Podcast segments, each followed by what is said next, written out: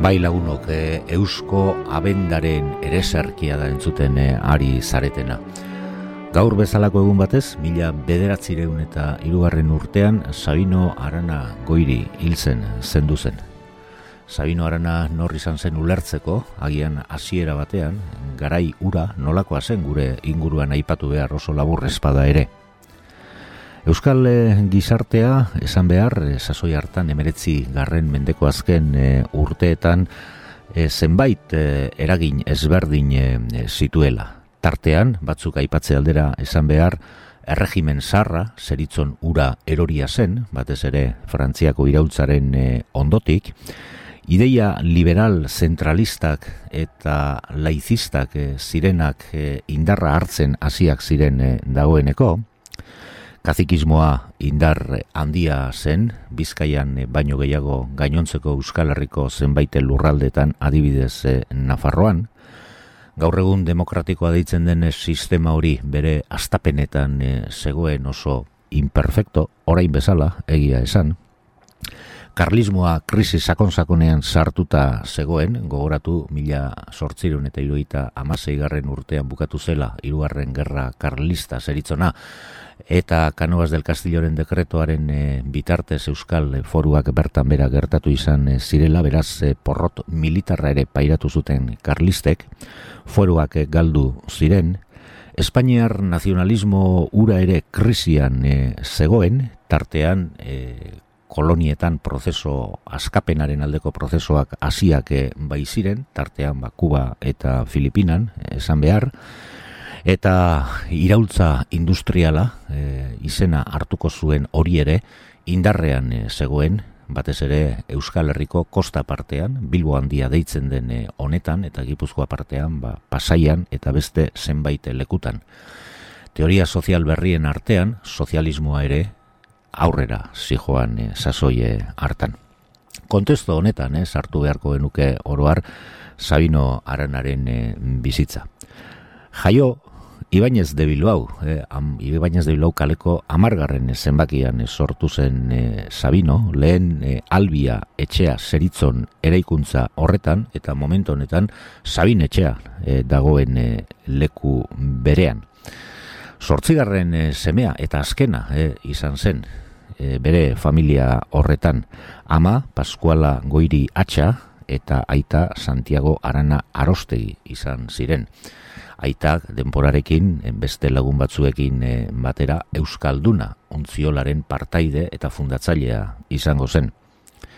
Aita karlista zen eta zuzenean kolaboratu zuen karlistekin eta batez ere mila sortzireun eta mila sortzireun eta laroeita e, amabiko altzamentu militar e, horretan parte hartu zuen zuzen zuzenean karlistek gerra galdu zutenean ondoren Iparraldera alde egin eh, zuen eh, familia guztiak eh, eta hiru urte emango zituzten Ipar Euskal Herriko lurraldeetan. Sasoi hartan eta mila sortzireun iruroita mairu eta malau urte buruz hitz egiten ari gara, Sabino Aranak Baionako San Luis Gonzaga izeneko eskolan ikasiko zuen. Eta ondoren, Karlista izandako ofizial arabatarre batekin doniban eloitzunekin jarraituko zuen propio eh, bere ikasketakin. Gauzak ez daude oso argi, eh, sasoi eh, horretan, eh, teoria batek edo historiagile batzuek esaten dute bere aitak uko egin zuela. Ez zuen nahi, bere semeak Sabinok, kaso honetan, frantziar eskoletan ikas zezan. Eta horregaitik, ba, irakasle partikularrak ipini, ipini zizkion. Dena den, e, gerra karlista e, bukatu zenean mila sortzireun eta iruroita amaseian, Sabino eta bere familiakoak e, abandora itzuli, e, itzuli ziren. Ordurako, e, ja, dagoeneko bere batxilergo ikasketak e, egiten ari zen eta bukatu egingo zituen e, denporarekin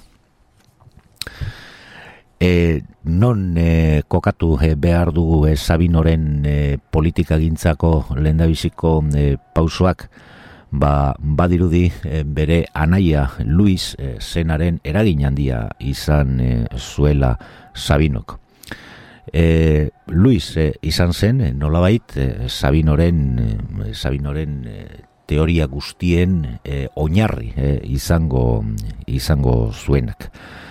E, honen e, inguruan e, kontatu behar dugu baita mila sortzireun eta larogei garren urte inguru horretan Sabino gaizotu egin zela, sasoi hartan e, tizia deitzen zen e, gaixotasuna e, hartu e, zuen eta e, eritasun hori gainditzen zebilen bitartean bere anaia zarrak Luis e, Aranak e, aprobetsatu egin zuen Sabinorekin hitz egiteko eta karlismoa gainditu behar zela e, azaltzeko. Dirudienez e, ezitzaion asko kostatu Luis e, Aranari e, Sabino e, konbentzitzea. Aita hil zitzaien, eh, mila sortzireun eta laroita eh, iruan eta familiaren parte bat eh, Bartzelonara joan zen eh, bizitzera. Bartzelonara joango zen Sabino ere bai eta bertako derecho eta filosofia fakultateetan eh, matrikulatuko zen.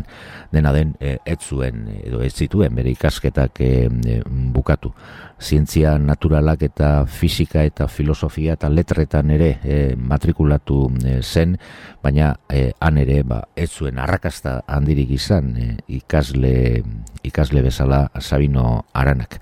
Dagoeneko Euskara ikasten hasia zen Sabino, eta e, denporarekin e, mila sortzireun eta laroita sortzian berriro ere ama ilondoren bizkaira itzuliko, itzuliko zen e, gogoratu e, egin behar dugu meretzigarren mendeko azken urteetan e, bizkaiko foru aldundiak sortutako e, euskarazko katedra e, batean opositore izan zela Sabino Arana, Resurrección Maria de Azkue eta Miguel de Unamuno e, zirenekin.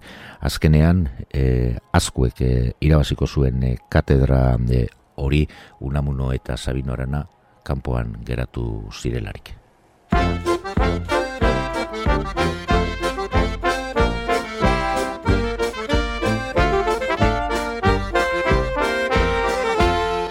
Seigarren aldiz gaur jaio zaigu konstituzio berria.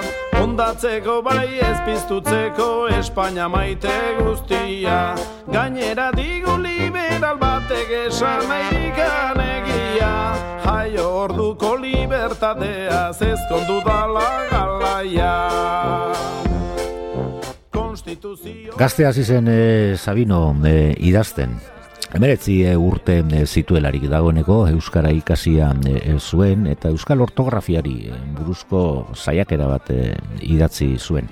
Euskal arrazari buruzko zenbait artikulu ere bai eta bat dirudienez e, sasoi hartako egunkariek eta ba, etzioten jaramonia handirik egin eta ez zuen lortu hasiera batean argitalpenik egitea e, sasoi eh, hartakoa e, izango da e, bere lendabiziko e, liburu arrakastatxua e, nola baitesan Bizkaia por su independentzia e, izenburuan e, izenburupean e, publikatutakoa argital, argitaratua mila sortzireun eta laroita amabigarren e, urtean bertan ba, zenbaite artikuluen bilduma e, egiten da eta nola esan ba, hori izan zen bere e, proklama politikoen eh, hasiera edo e, astapena.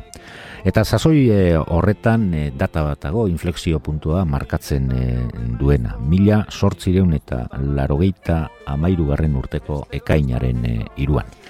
Egun horretan, e, Begoñako e, Larrazabale basarrian e, afari merienda bate antolatu zioten lagunak e, Sabin hori aipatutako Bizkaia por su independentzia liburuaren eh, argitalpena ospatzeko. Tartean, eh, Soziaz Euskal Herria izeneko eh, zenbait kide baziren, Larrazabaleko baserri txakolindegi hartan. Parte hartzaile artean bertan zeuden Eduardo Aburto Uribe, Eustakio Aramburu Mendieta, Adolfo Giart, Gregorio Ibarretxe, Ramon de la Sota, e, naiz eta Santanderren eh, sortua e, gero getxo partera etorri zena bizitzen eta denborarekin enpresaria, barkoegile, e, abogatua eta politikaria izango zena, besteak beste, Sabino Aranaren aitarekin batera Euskalduna untziolaren e, fundatzaile eta kudeatzailetariko bat. Eta tartean lehen aipatu dugun Luis Berean ere bertan zegoen. Itzaldi hau, eh, Larrazabaleko juramentoa, eh, titulopean ezagutzen den e, hitzaldi hau izan izan daiteke euskal e, abertzaletasun modernuaren hasiera puntua maila batean batzuk behintzat horrela uste dute Erdera zidatzi eta irakurritakoa da, bertan eskerrak ematen dizkie Sabinok bertaratu ziren guztiei. Ondotik, eh, Bizkaia etzela inoiz konkistatua izan eh, aipatzen du eta bere independentzia mantendu zuela Ibero, Zelta, Erromatar, Bisigodo edota Hispanoen eh, aurrean. Alaber, Espainiako erregeak etzirela Bizkaiko errege izan, esaten du, soilik Bizkaiko jaunak izan zirela. Itzaldian, Sabino konartu egiten du, karlista izan zela amazazpi urte bete arte. Orduan hasi zela euskara ikasten eta Bizkaiko historia lantzen. Bizkaiko alderdi politikoak ere kritikatzen ditu. Bizkaitar izan beharrean espainolistak direlako. Karlisten jainkoa eta foruak goiburuaren ordez, jangoikoa eta lagizarra proposatu zuen. Eta alderdia bertzale berri bat sortzeko lanetan hasia zela iragarri zuen. Egi esan, bertaratu ziren gehienak fueristak izan da, Sabinoren teorizazioak ez zuen onarpen zabalik izan.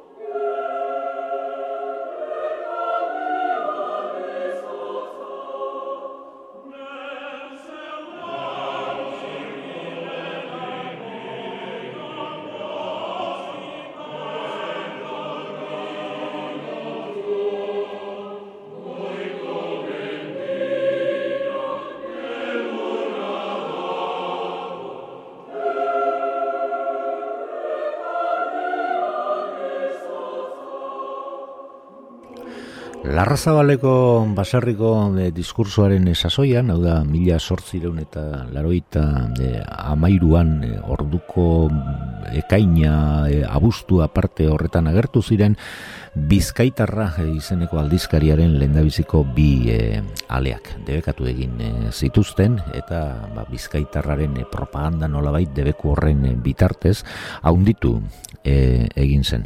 Bizkaitarra hasiera e, batean e, barne konsumorako e, bideratuta e, zegoen, Bizkaitarren barne konsumo horretarako e, alegia eta konsientzia e, nazionala e, piztu e, nahi zen publikazio horren bitartez. E, estiloa e, neiko oldarkorra e, zela eta e, politika lokalari e, buruzko artikulu zenbait e, agertzen dira era berean kanpotik etor zitezkeen ideologia guztien kontra egiten duen e, bitartean. Bizkaitarra dela eta e, Sabino tribunaletatik deitzen e, dute eta lau prozeso ipini zuten beraren e, kontra. Lenda biziko biak e, ez zuten e, aurrera egin, ba, prensa, e, prensa mailan egindako delituentzako amnistia bat egon zelako. E, irugarren e, prozeso e, horren e, hori dala eta e, multa edo izun bat epagatu e, behar e, izan e, zuen Sabino. Azkenean ez dut uste pagatu zuenik zen eta bizkaiko gobernadoreak e, parkamena eman e, zion. Laugarren e, prozesoaren e, ondorioz e, kartzelara eraman zuten eta larrinagako presondegian e, egon e, izan zen eta sasoi horretakoak dira beste bi manifestazio eusko euskal abertzaletasun, astapenetako abertzaletasun e, haren e, bi manifestazio politiko ba oso entzutetsuak e, izan e, zirenak. Mila bederatzi daun eta laroita mairuan sanroka da izenekoa, eta urren urtean laroita e, amalauan e, gamazada, eta guzti horietan parte hartuko du Sabino Aranak. Zer izan ziren bi hauek, ba, labur bilduz esan, e, mila sortziun eta laroita mairugarren urteko e, San Rokadare, San Rokada, e, horren e, oinarrian Espainiako hazienda e, ministroa dagoela. German Gamazo izenekoa. Honek e, kontzertu e, ekonomikoak errebisatu nahi zituen, e, baita Nafarroako Nafarroako kontzertuak eta e, foruak bertan e, bera utzi e, nahi e, zituen eta Naparrak ba, kontra e, agertu e, ziren. Kontesto honetan esan behar, Gernikan, mila, mila sortzirun da amairuko abustuaren amaseian San Roque e, egunean horrelako merienda modoko bat e, egin e, izan zela aire librean Orfeon Pamplones e, zeritzonaren e, omenaldi, omenaldi engizan. Bertara, fuerista, karlistak, bizkaitarristak, e, nola esan, eta unio izeneko katalanistak ere egon izan ziren goiz eh, partean e, Gernikako e, arbolaren azpian bildu ziren eta ore egin zioten Gernikako arbolari. E, bitartean e, Gernikako e, Sociedad Gernikesa izeneko elkarte liberal horretan eta Sociedad Tradicionalista izeneko elkarteetako balkoietan Espainiako bandera handiak e, ipini e, zituzten e, San Rokada horren inguruan e, bildutako fueristak eta astapeneko nazionalistak edo e, abertzaleak e, Baskarian e, zehar Kastilaren e, kontrako oiuak e, osenki aldarrikatu e, zituzten eta Espainiako erregione ezberdinen autonomiaren e, aldeko e, autonomiaren e, aldeko zaratak e, entzun e, izan e, ziren e, karlista batzuei ezitzaien, oiu hauek e, oiu hauek e, gustatu, hor e, nolabait, bai, eta e, zarataren bate entzun e, izan zen muera Espainia e, oiukatuz. Karlistak eta fueristak alde egin zuten ekitaldi e, hartatik. Espainiako banderak e, erre egin e, zien, e, sasoi e, hartan, jarraitu zuten arratzalde partean muera Espainiaka, Espainiako banderak erretzen, eta bestelako oiuak ere entzun ziren Gernika barnan. Biba Euskeria Independiente. Beraz, e, Euskal Nazionalismo Independentistaren lendabiziko manifestazio tzat hartu dezakegu mila sortzireunetan laroita amairugarren urteko sanrokada izenekoa. Gernikan izan zen.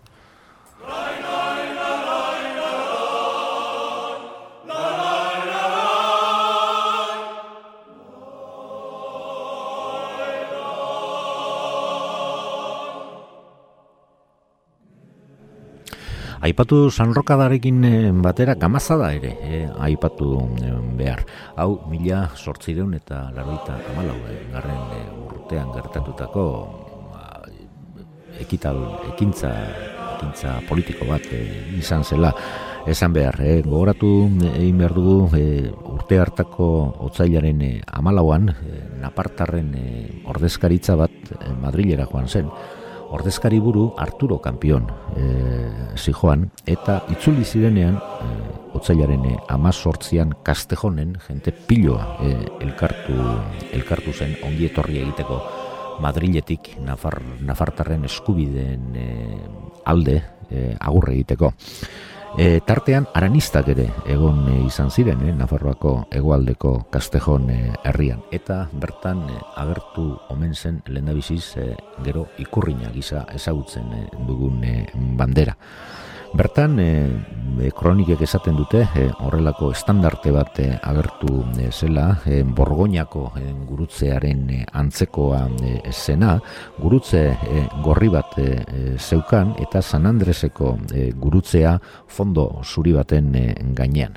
Bordatzailearen izena ere, badakigu, Juana Irujo Arantzadi, e, izan zen eta bozetoa e, Iruña e, kafetegian e, aranatarrak e, egindakoa egindakoa zen. Bere atzeko e, partean letra e, gorrietan honako hau e, irakur ziteken jangoikoa eta lagizarra bizkaitarrak agur egiten deute naparrei. E, e, hori, e, izan zen kastejonen egindako e, ongi e, etorria. Napartarrek eta e, gamazo ministroaren e, kontra manifestazioak eta mobilizazioak e, egin izan zituzten, tartean pentsako puruak nolakoak diren sasoi e, hartarako, eunda hogei mila sinadura bildu zituzten eta Nafarroan ba, ordura arte egindako manifestaziorik jendetsuena eta handiena ere egin izan zuten. Azkenean gamazo ministroa destituitu egin zuten, baina Naparre foru eta eskubideen kontrako dekretoak aurrera egin e, zuen. Sasoie hartakoa e, da baita lendabiziko batzoki, batzokiaren sortzea. E, gizart, gizart elkarte e, kultural giza eta euskeldun batzokia e, izenpean Bilboko korreo kaleko hogeita bi garren e, zenbakian e, zentro bat edo lokal bat e, zabaldu, e, zabaldu zuten mila sortzireun eta laroita malau garren e, urtean. Uztailaren amalauan e, izan zen eta e, baskiderik e, adinean e, baskiderik e, zaharrenak ziriako iturri karlista hoia e, izandakoa horrek jaso zuen lehendabiziz korreo kalean ikurrina. Ondoren, igandean, jagina, mesa, egin zen e, begoinan, eta ondoren, kanpoan, ba, mesatara bildu zirenak Gernikako arbola mm, kantatu, eta e, korreo kaleko e, Euskaldun batzoki horretara e, joan e, ziren. Bertan izendatu zuten Sabino Arana, junta direktibako lendabiziko e, presidente. Ondoren manifestazioak eh, egin eh, izan eh, ziren, jaia ere egin zuten, eta ondoren ba, Euskaldun batzokia izenpean zegoen elkarte hori, elkarte horri bosteun, sasoiko bosteun pesetako multa jarri zioten hausokide batek salaketa jarri e, ondoren berandu arte txistua eta tamborila jotzen e, ibili e, zirelako eta e, lurra gogorki, e, zorua gogorki zapaldu zutelako eta eskandaloa antolatu e, antolatu e, zutelako. E, horiek e, izan e, ziren e, Euskaldun batzokiaren e, hasierak e, denpora aurrera joan ala, handik urte bete batera esan behar, eunda hogei bate bazkide biltzen zirela Euskaldun e, batzoki Euskaldun batzoki e, horretan eta e, denborarekin e, baita e, mila mm, sortzireun eta laroita amaboste garren urtean lendabiziko bizkai buru batzarra e, izenekoa e, eratu zen eta antolatu egingo zuten. Problemak izan zituzten e, sasoi hartan e, aranatarrak, bai Luisek eta bai e, Sabino, e, Sabino aranak eta besteak e, beste, por conspiración a la rebelión prozesatua izan zen e, Sabino, Sabino Arana. Berriro ere, kartzelaratu egin e, zuten, eta e, mila sortzireun eta laroita amaseian atera zen bigarren aldiz Sabino kartzelatik.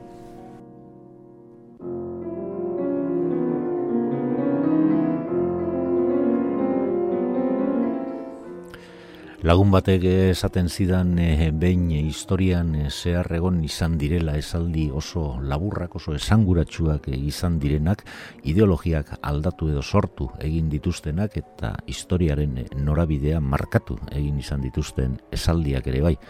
Adibide gisa, berak esaten zidan, adibidez, e, horrelako e, esaldi, esaldiak aipatzen e, aldera, ba, Jesukristoren bat e, izan e, litekela, ez da ni naiz berpizkundea eta bizitza nigan sinisten duena ez da hilgo.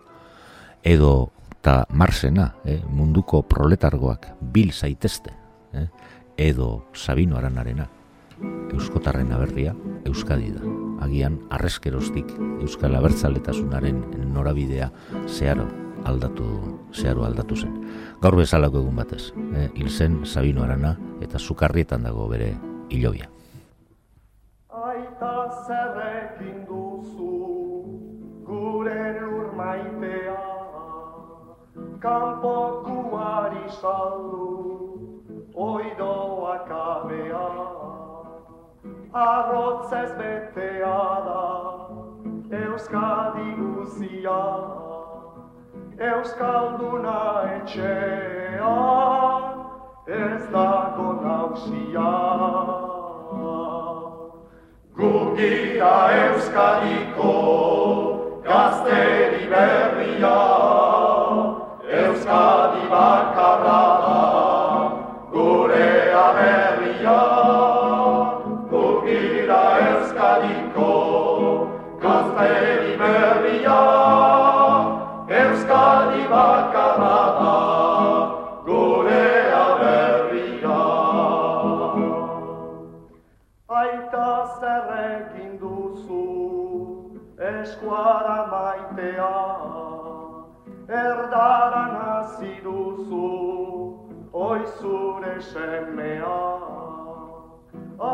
Autasun ederrena, aita batek galtzea, bihotzean sartua, dugu ahalgea. Gukira Euskadiko gazteri berria, Euskadi bakarra da, gure aberria.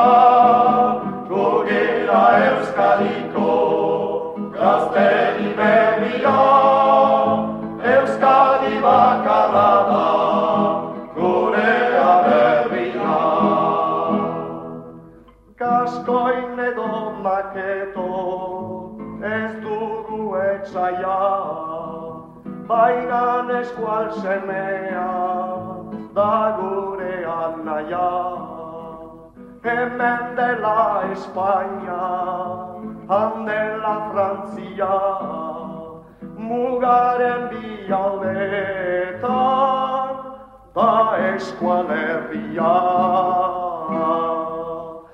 Gukira Euskadiko gazteri berria, Euskadi bakarra